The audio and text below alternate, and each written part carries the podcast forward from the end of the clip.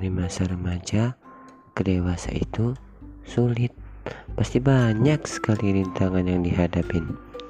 Jadi, saya di sini akan memberikan sebuah wawasan untuk teman-teman agar tidak terjebak di gelap hitamnya masa remaja menuju dewasa setiap minggu di sini.